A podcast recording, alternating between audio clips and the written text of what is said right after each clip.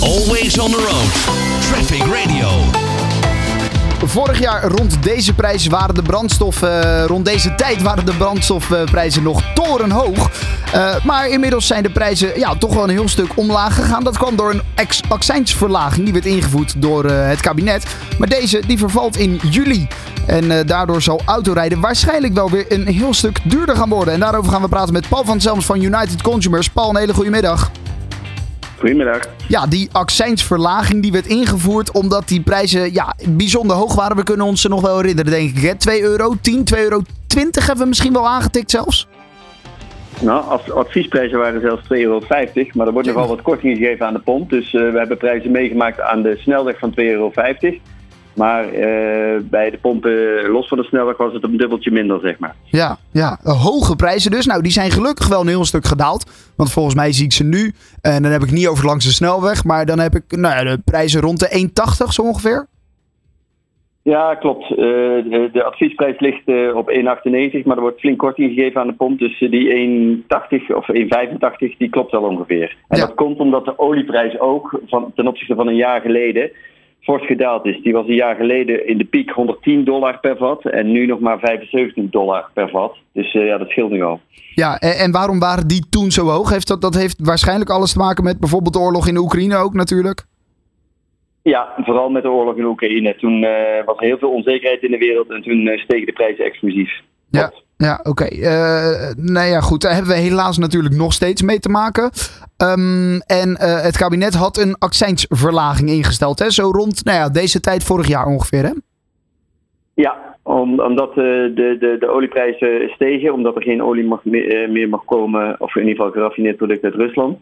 Eh, en de consument iets tegemoet eh, moest worden gekomen, heeft de overheid gezegd: we gaan de accijnzen wat verlagen. En de accijns is een vaste belastingcomponent in de benzineprijs en dieselprijs.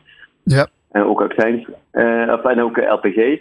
En men heeft toen al gezegd: ja, die verlagen we. Eh, maar we gaan ook weer naar een tijdje eh, die accijns weer op een normale niveau brengen. En dat moment is nu aangebroken. En dat betekent dat per 1 juli de accijnsen eh, voor benzine met zo'n eh 14 cent ex-BTW, maar dat is wel eh, eh, eh, eh, 15, 16 cent inclusief BTW, Ja.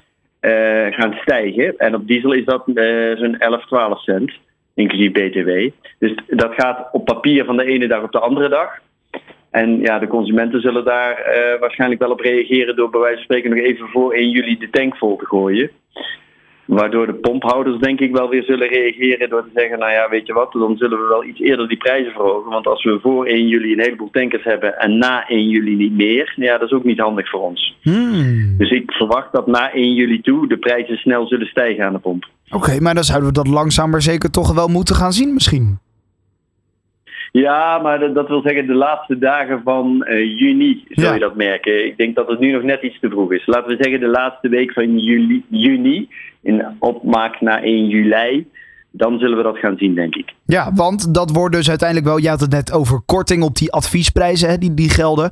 Eh, maar hierbij gaat de pomp niet zeggen: Nou, wij betalen een deel van die 14, 15, 16 cent. Die betalen wij zelf. Die gaan ze gewoon één op één doorbelasten.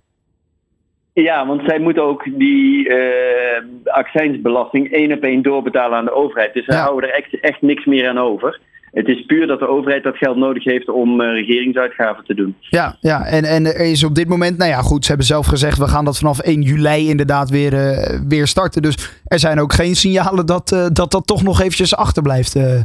Eh, eh, de- deze, nee, zeker niet. nee. Sterker nog, er zijn zelfs signalen dat het per 31 december dit jaar Ja, ook, of per 1 januari volgend jaar, eh, nog eens een keer verhoogd wordt. Omdat eigenlijk de overheid jaarlijks ook nog eens een keer de accijnzen indexeert. Dus dan zouden er weer een paar centen bij komen. maar of dat, dat werkelijk gebeurt 1 januari 24 weet ik niet. Maar in het verleden is dat bijna altijd gebeurd. maar dat zou betekenen dat we Dus echt dat weer naar die dat brandstoffen worden op die manier echt niet goedkoper helaas. Nee, want we gaan weer terug naar die, naar die tijden van 2 euro per liter. Ja, zeker als de accijns er straks bij komt, dan zullen er zeker tankstations zijn die boven de 2 euro de liter zitten. Dat klopt. Ja, Eh, en hoe, ja, hoe, hoe gaat de consument daarop reageren? Want wij hebben een kleine poll gehouden onder onze Traffic Radio luisteraars. En daarbij zegt 65% ja, sorry, ik heb die auto toch gewoon nodig. Ik ga hem hierdoor, ook al wordt het wat duurder, ik ga hem niet laten staan. Maar dat betekent wel dat het, het, het kostenplaatje weer voor de, voor de huishouder in Nederland, dat gaat wel weer wat stijgen.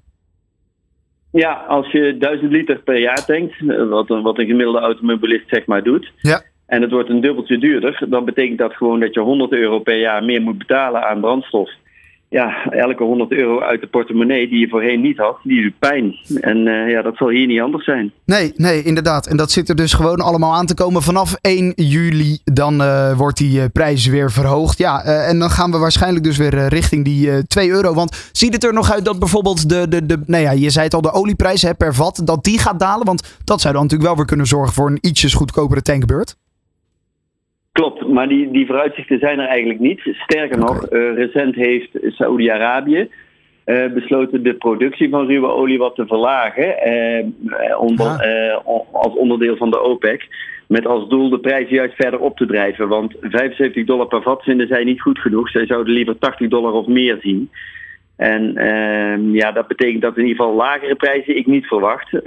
hogere prijzen eerder, maar ook niet 1, 2, 3. Want die uitspraak van Saudi-Arabië heeft niet heel veel gedaan met de olieprijs. Besef wel dat van de benzineprijs meer dan twee derde naar vadertje staat gaat. Dus uh, eigenlijk is benzine relatief goedkoop. Het wordt duur gemaakt door de belastingen die de overheid daarop heft. En hetzelfde geldt voor diesel en LPG. Weliswaar in iets mindere mate. Maar ook daar is ongeveer de helft belasting. En ja, dat uh, hebben we met z'n allen besloten dat, dat, uh, dat we dat willen, omdat we geld nodig hebben om het uit te geven.